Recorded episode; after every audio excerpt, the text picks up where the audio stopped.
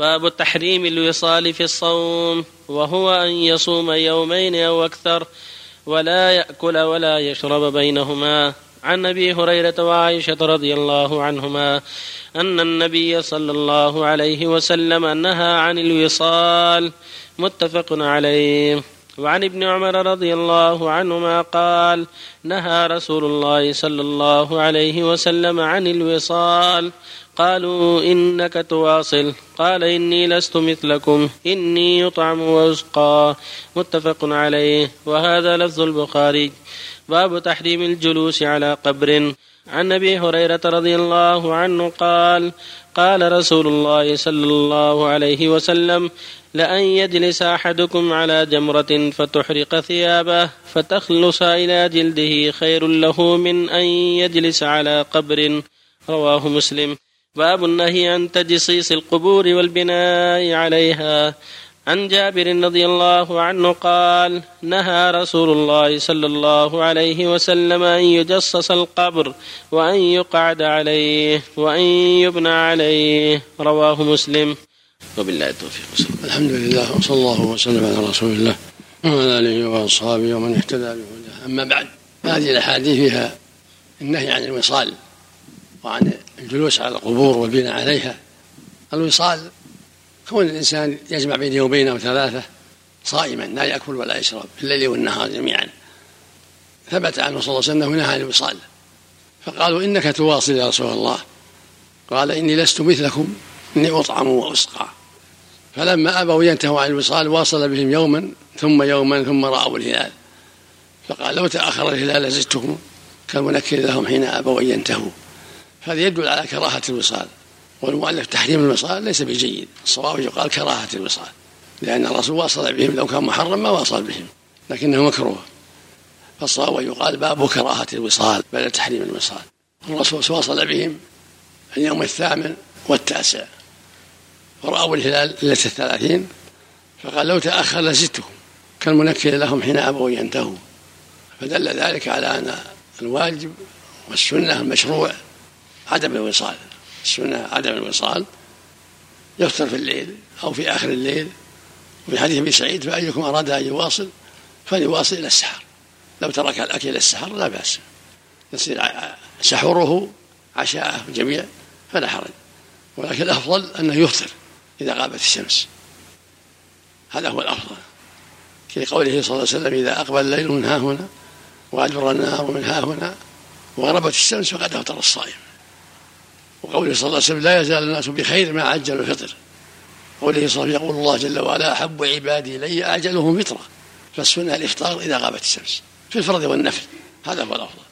فإن واصل إلى السحر ولم يأكل حتى السحر فلا بأس. أما أن يواصل الليل مع النهار ولا يأكل شيئا ولا يشرب في الليل فهذا هو المكروه الذي نهى عنه النبي صلى الله عليه وسلم. والحديث الثالث والرابع فيما يتعلق بالجلوس على القبور والبناء عليها. الرسول نهى أن يجلس القبر وأن يقعد عليه وأن يبنى عليه. قال لا يجلس لا يجلس أحدكم على جمرة فتحرق ثيابه فتخلص إلى جسده. خير له من أن يجلس على قبر لأن على القبور إهانة لأهلها واستخفاف بهم فلا يليق أن يستخف المسلم ويجلس على قبره.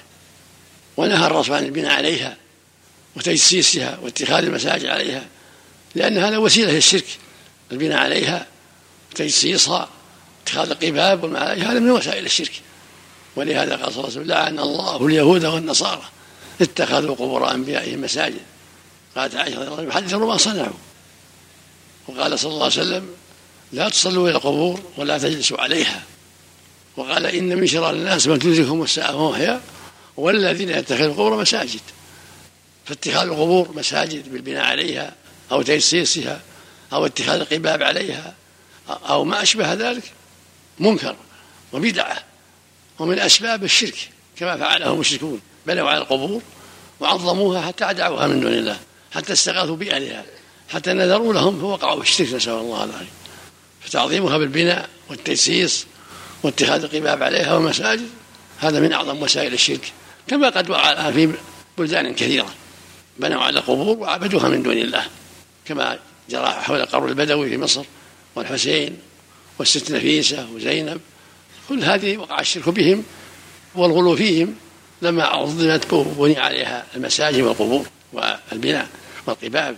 وكثير من الجهلة إذا زاروا النبي صلى الله عليه وسلم قبر النبي صلى الله عليه وسلم أيضا يدعونه من دون الله ويستغيثون به وهذا من الشرك الأكبر. فالعبادة حق الله وحده. لا يجوز لاحد يدعو غير الله لا ملك مقرب ولا نبي مرسل. العباده حق الله. ولكن تزار القبور للسلام عليهم والدعاء لهم. وزوروا القبور فإنها ذكركم الآخرة هكذا يقول صلى الله عليه وسلم. وكان يعلم أصحابه إذا زاروا القبور أن يقولوا السلام عليكم أهل الديار من المؤمنين والمسلمين وإنا إن شاء الله بكم لاحقون. نسأل الله لنا ولكم العافية. يدعى لهم. ما يدعون مع الله. يدعاهم محتاج للدعوة. نسأل الله لنا ولكم العافية. يرحم الله المستقدمين منا والمستأخرين. فإذا زارهم يسلم عليهم ويقول هذا اللهم اغفر لهم اللهم ارحمهم نسأل الله لنا ولكم العافية. أما أن يدعو الميت يستغيث بالميت أو ينذر للميت أو يذبح للميت هذا هو الشرك الأكبر. هذا فعل المشركين مع اللات والعزى ومناة وهبل ونحو ذلك. نسأل الله العافية والسلام وضع على القبور منكر لا يجوز. لا تطيبها ولا الغرور عليها. أنا عند ربي يطعم المسكين أحسن الله إليك. طعام خاص يعني ما يفتح الله عليه من مواد الإنس ونفحات القدس والتلذذ بمناجاته مو بطعام الأكل لو صار يأكل ما ما صار صائم. لكن ما يفتح الله على قلبه من الإنس بذكر الله وطاعته يقوم مقام الطعام والشراب. أحسن الله إليك. وضع علامة على القبر. العلامة لا بأس به. النبي لما توفي عثمان المظلوم علم عليه حتى يزار حتى يزوره عليه الصلاة والسلام. إذا علم عليه بحجر أو خشبه أو شبه لا بأس. الكتابة منهي لا يجوز كتابه لا يبنى عليها ولا يقعد عليها ولا يكتب عليها. نهى الرسول عن هذا كله.